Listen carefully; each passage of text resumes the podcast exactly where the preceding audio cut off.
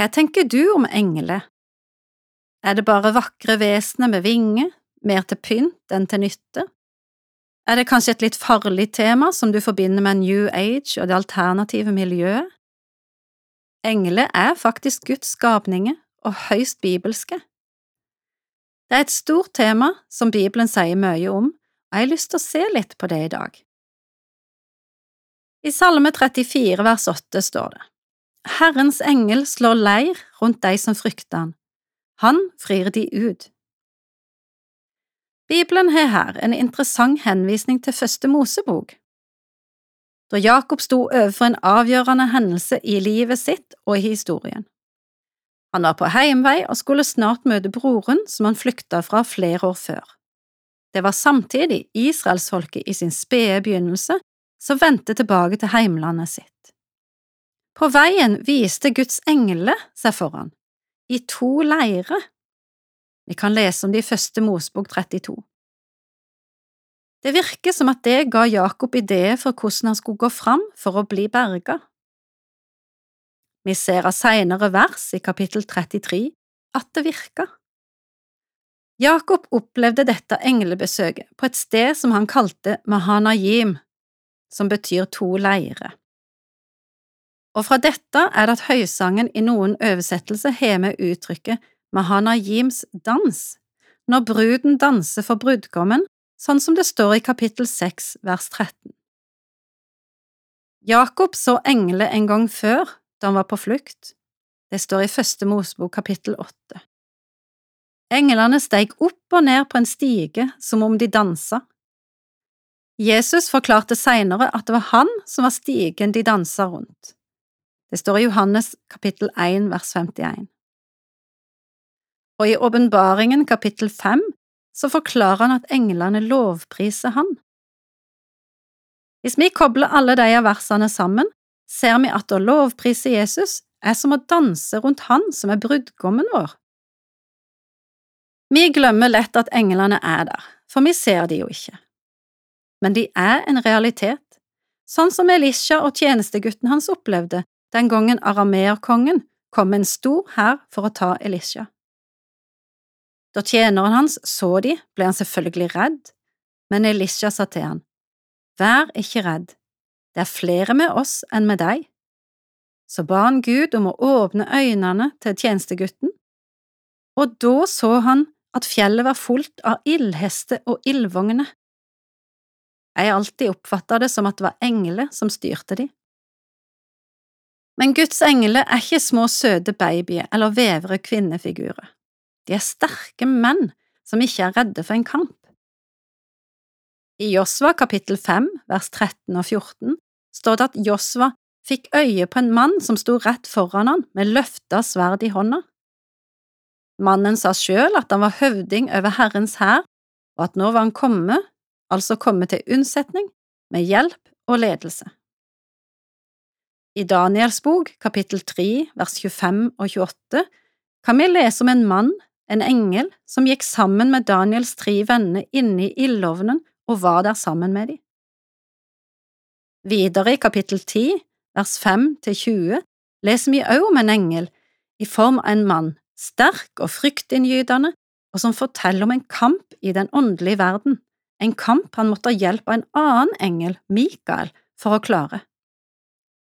Vi vet ikke hvordan det gikk for seg rent konkret, men vi skjønner at det går hardt for seg. Det er viktig å presisere at Guds engler bare sendes ut på hans befaling, vi kan ikke tilkalle de. For han skal gi sin engle befaling om å bevare deg på alle dine veier står det i Salme 91 vers 11. Lov Herren, dykke hans engle, dykke sterke helter, som gjør det han sier så snart dykke hører hans røst, sier Salme 103 vers 20. Og vi trenger englene. Er ikke alle englene ånde i Guds tjeneste som sendes ut for å være til hjelp for de som skal få frelsen, leser vi i Hebreerbrevet kapittel 1 vers 14.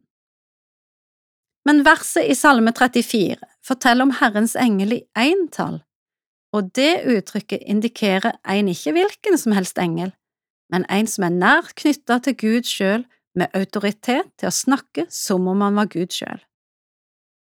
Denne skikkelsen er litt mystisk i Gamle testamentet, men han blir forstått som Jesus' skikkelse, tilslørt, ikke sånn som han var da han kom til jord som menneskesønnen. Men i Gamle testamentet så var han den åpenbaringen av Gud som menneskene kunne tåle uten å måtte dø. Han slår altså leir rundt de som frykter han. Det å slå leir indikerer noe mer enn en kjapp stopp. Den som slår leir, har tenkt å bli der ei stund. Det uttrykker noe varig og solid. Jesus gir seg altså til hos de som frykter Gud og beskytter dem. Å frykte Gud handler ikke nødvendigvis om å være redd Han. Ordet å frykte betyr å ære og tilbe med ærefrykt. Det er flere måter å tilbe på, og lovsynge er en av de. Det får meg til å tenke på Josjafat, en konge i Gamle testamentet. Da han opplevde at tre folkeslag kom imot Israel for å ta dem, vendte han seg til Gud og ba om hjelp. Han fikk et profetord til oppmuntring, og så valgte han å la en flokk sangere gå fremst i flokken når hæren hans dro ut for å møte disse motstanderne. Da står det så fint. Så snart de stemte i med jubelrop og lovsang, lot Herren en flokk som lå i bakhold, angripe ammonittene og moabittene og mennene fra Seirfjellene, og de blei slått. Dette kan vi lese i andre krønikebok kapittel 20. Kanskje var det en flokk med engler som lå i bakhold. Vi skal uansett ikke ha mindre grunn verken til å lovsynge eller til å stole på Herrens beskyttelse. Jesus er jo den ubeseira han som vant over både døden og makter og myndigheter, som er nøkkelen til døden og dødsriket, og som er gitt all makt i himmel og på jord. Han kan be sin far, han ville straks sende han mer enn tolv legioner engler. Men nå er det ikke sånn at alle kristne opplever å bli beskyttet mot ondskap og onde handlinger. Hvor er englene når ulykke og vold likevel skjer? Det er vonde og vanskelige spørsmål som bare Gud selv kan åpenbare svaret på for den det gjelder. Jeg tror at det viktigste vi har som trenger beskyttelse, er hjertet vårt. Bevar ditt hjerte foranfor alt du bevarer, for livet går ut fra det, sier ordspråkene kapittel 4, vers 23. Og til det så får vi hjelp, står det i Filipperne kapittel 4, vers 7. Og Guds fred, som overgår all forstand, skal bevare deres hjerte og tanke i Kristus Jesus. Vi trenger ikke å være så opptatt av engler. Vi kan hvile i at de finnes, og at Gud sender de ut på oppdrag slik Han ser at vi trenger. La oss fokusere på å lovprise Herren, tilbe Han og leve i fellesskap med Han. Da danser englene. Du har nå hørt en andakt i serien Over en åpen bibel Andaktsholder i dag var Eli Fuglestad. Serien blir produsert av Norea Mediemisjon. Alle våre podkaster og andakter finner du på styrkdintro.no.